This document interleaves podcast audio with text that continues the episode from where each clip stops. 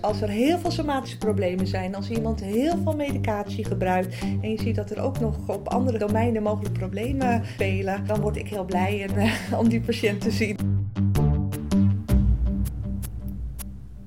Ik zit hier eh, vandaag met dokter Emlot, klinisch geriater in het UMC Utrecht. Want we gaan eh, bij de aankomende MK-SAP de geriatrie spreken. Ik geef net al van je dat, er, dat het veel te saai wordt overgebracht. De MK-SAP uh, is uh, behoorlijk Amerikaans. En in Amerika is de geriatrie wat meer verpleeghuisgeneeskunde.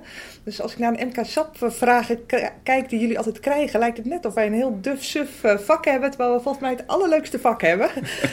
um, dus kom vooral ook een keer bij ons op de afdeling kijken wat we hebben liggen. Maar dan hebben we wel wat andere problematiek liggen dan er in de MK-SAP naar voren komt. Ja, ja. ja, want in de MK-SAP hebben ze dus heel specifiek... Hè, de, de, het onderwerp is de Geriatric Assessment, of de geriatrische evaluatie. Dat is natuurlijk een heel breed begrip. Kun je zelf uitleggen wat het is waar jullie naar kijken bij zo'n... als we jullie een consult vragen of bij zo'n eerste consult om iemand een beetje in kaart te brengen? Ja, nou, wat we altijd doen, dat is een uh, Comprehensive Geriatric Assessment. En dat is zeg maar een uh, geriatrische evaluatie waarbij we de patiënt over vier domeinen in kaart brengen. Uh, en het eerste domein is dan de somatische as, waarbij we goed kijken naar de voorgeschiedenis en alle somatische problemen die er spelen op dit moment. Dat is eigenlijk denk ik hetzelfde als wat jullie ook doen als je een patiënt hebt.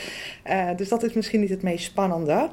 Maar verder kijken wij, wij ook altijd naar de psychische as. En bij de psychische as uh, kijken we met name van hoe is het met de stemming van deze patiënt uh, en hoe is het met de cognitie uh, van deze patiënt. En meestal stellen we eerst een aantal screeningsvragen of nemen we een screeningslijst af om te kijken of er aanwijzingen zijn dat er problemen op dat gebied zijn. En als er problemen zijn, dan kunnen we dat veel uitgebreider gaan testen.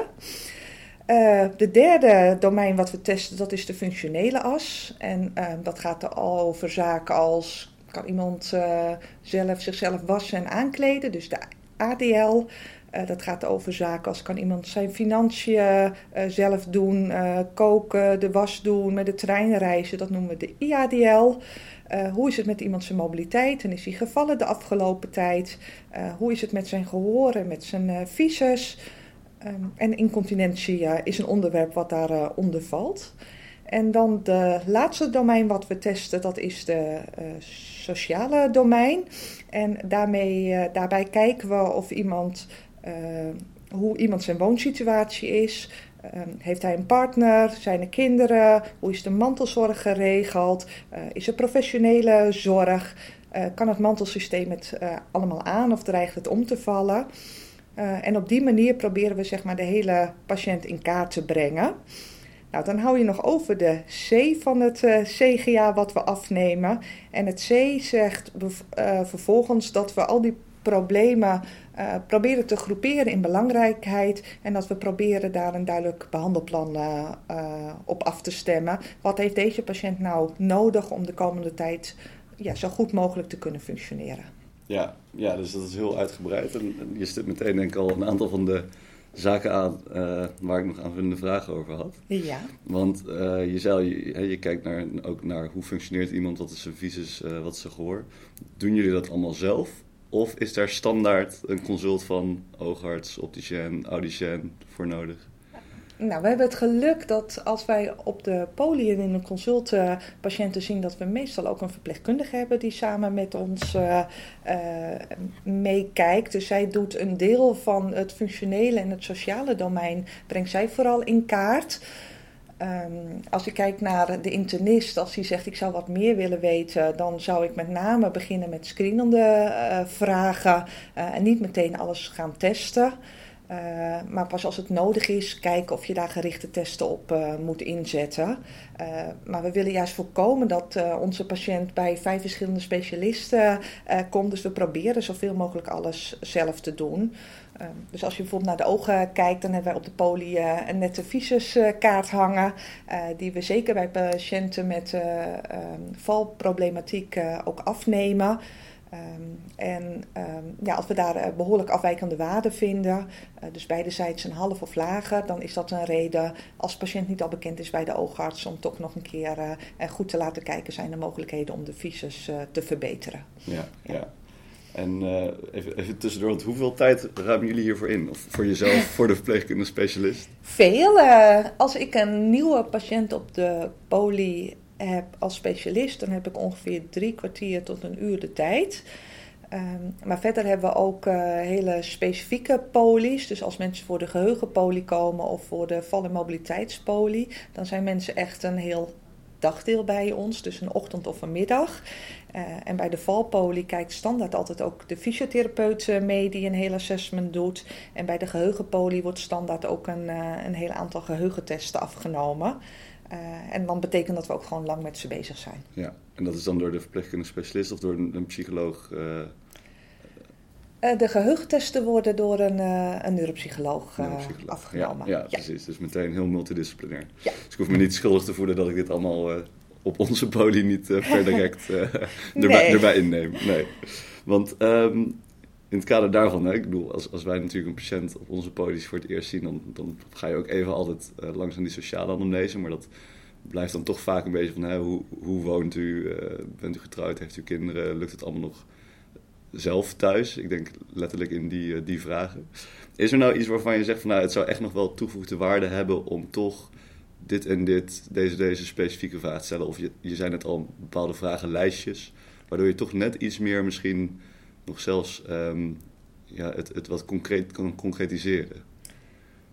Ja, bij het sociale domein denk ik dat wij ongeveer dezelfde uh, vragen stellen. Waarbij het ook heel belangrijk is om niet alleen de vragen aan de patiënt te stellen.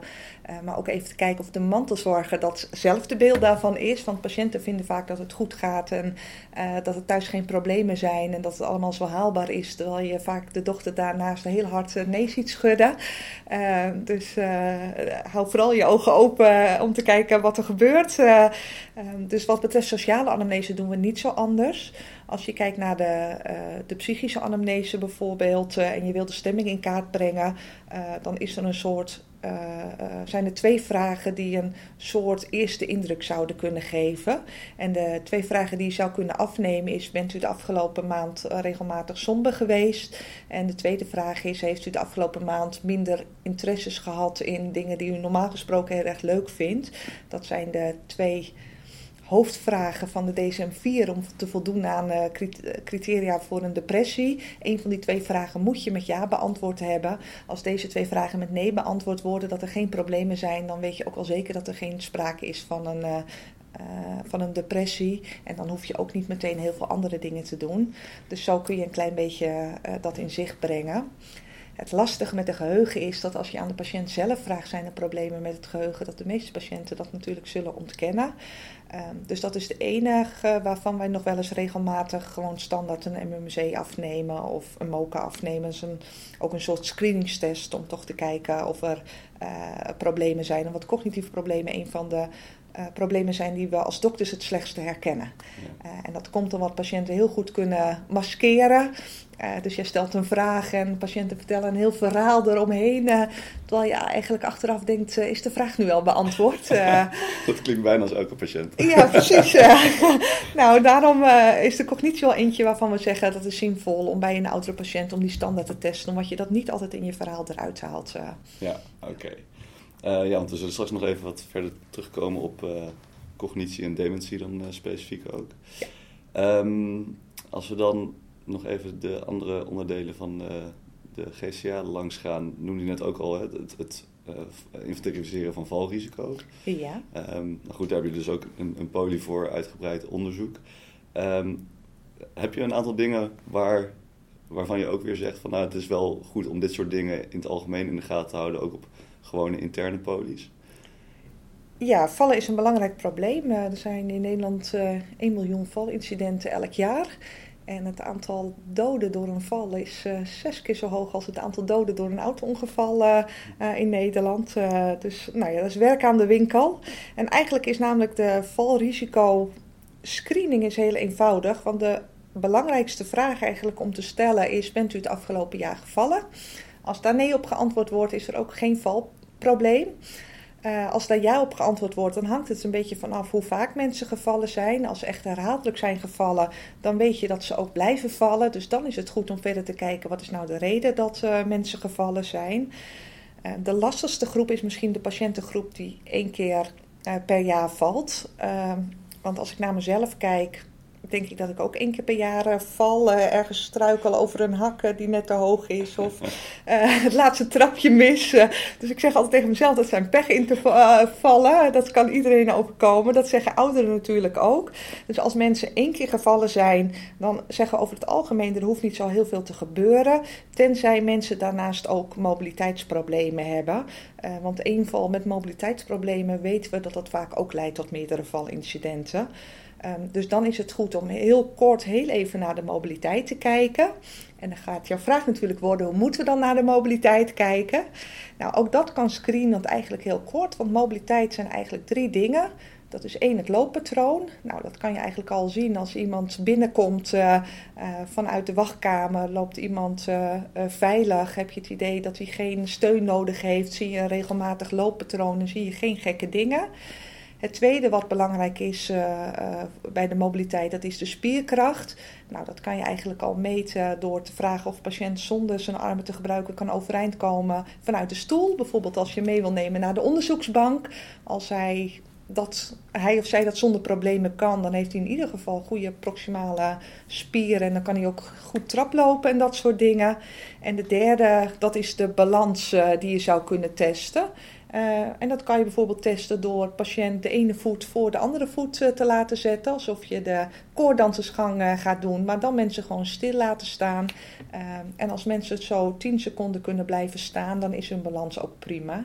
Dat is wel een test waar je heel even kort naast moet gaan staan. Want je zult bij ouderen zien dat ouderen veel balansproblemen hebben. Dus dat die nog wel eens vallen. En zo kun je eigenlijk in nou, binnen de 30 seconden kun je testen of iemand een goede mobiliteit heeft uh, uh, of niet. En als hij niet goed is, ja, dan moet je uitgebreider kijken. Maar dan zou je ook de fysiotherapeut kunnen vragen. Dan zijn er natuurlijk nou, leefstijl- en medicamenteuze adviezen die, uh, die je geeft. Het vermijden van benzo's is natuurlijk een hele belangrijke. Is er nog iets wat je standaard wel of niet geeft aan deze mensen? Ja, als mensen echt een verhoogd valrisico hebben, dan doen wij een hele risico-inventarisatie. Want volgens mij zijn er wel 20, 30 uh, risicofactoren die een rol spelen. Dus die brengen wij allemaal in kaart. En afhankelijk van welke risicofactoren er zijn, zetten we interventies in. De zaken die het meest effectief zijn is bewegen, bewegen, bewegen. Dus fysiotherapie uh, is vaak wel een belangrijk onderdeel daarvan. Uh, medicatie is een belangrijke, met name de benzo's, maar ook de cardiovasculaire medicatie kan be bijvoorbeeld een belangrijke rol spelen. We zien dat veel ouderen relatief ingesteld zijn met lage bloeddrukken of lage hartfrequenties en daardoor veel last hebben van orthostatische hypotensie. Dus je medicatie een klein beetje verlagen om te zorgen dat mensen iets betere uitgangsbloeddrukken hebben, is bij oudere patiënten heel zinvol. Nou, de derde wat we bij vallen vaak zien is dat de visus toch niet optimaal geregeld is. Dus dat het zinvol is om nog een keer die visus te laten beoordelen. Eventueel kan het ook gewoon door de audicien.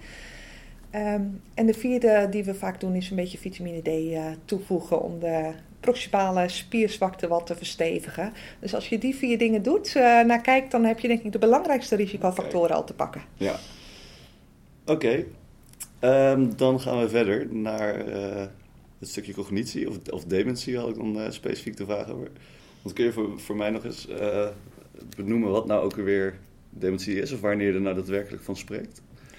Ja, van dementie uh, spreken we als er sprake is van progressieve cognitieve stoornissen. Dus elk jaar moet het een beetje slechter worden dan moeten de cognitieve stoornissen moeten over verschillende domeinen gaan. Dus dat wil zeggen dat bijvoorbeeld het geheugen aangepast, uh, aangetast moet zijn. Dat wil zeggen dat de oriëntatie is een van die domeinen. Uh, ruimtelijk inzicht, fysioconstructie is er een van. Wij noemen er een executief functioneren. Dat wil zeggen planning en overzicht bewaren. Um, en zo meten we verschillende cognitieve domeinen en er moeten minimaal twee domeinen aangedaan zijn. En het derde is dat het dan ook nog invloed moet hebben op het dagelijks functioneren. Dus patiënten moeten er ook in het dagelijks leven last van hebben.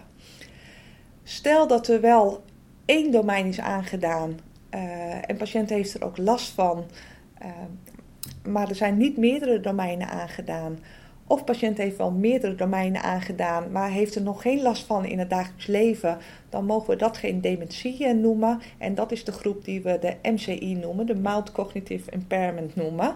Uh, en dat is een beetje de verzamelgroep van de groep mensen waarbij we wel van allerlei afwijkingen vinden, maar die niet voldoen aan de criteria uh, voor een dementie. Ja. Um, is dat nou iets waar we ook heel erg op moeten letten, of is dat iets wat zich vanzelf wel via familie, uh, met name dan waarschijnlijk bij de huisarts, presenteert?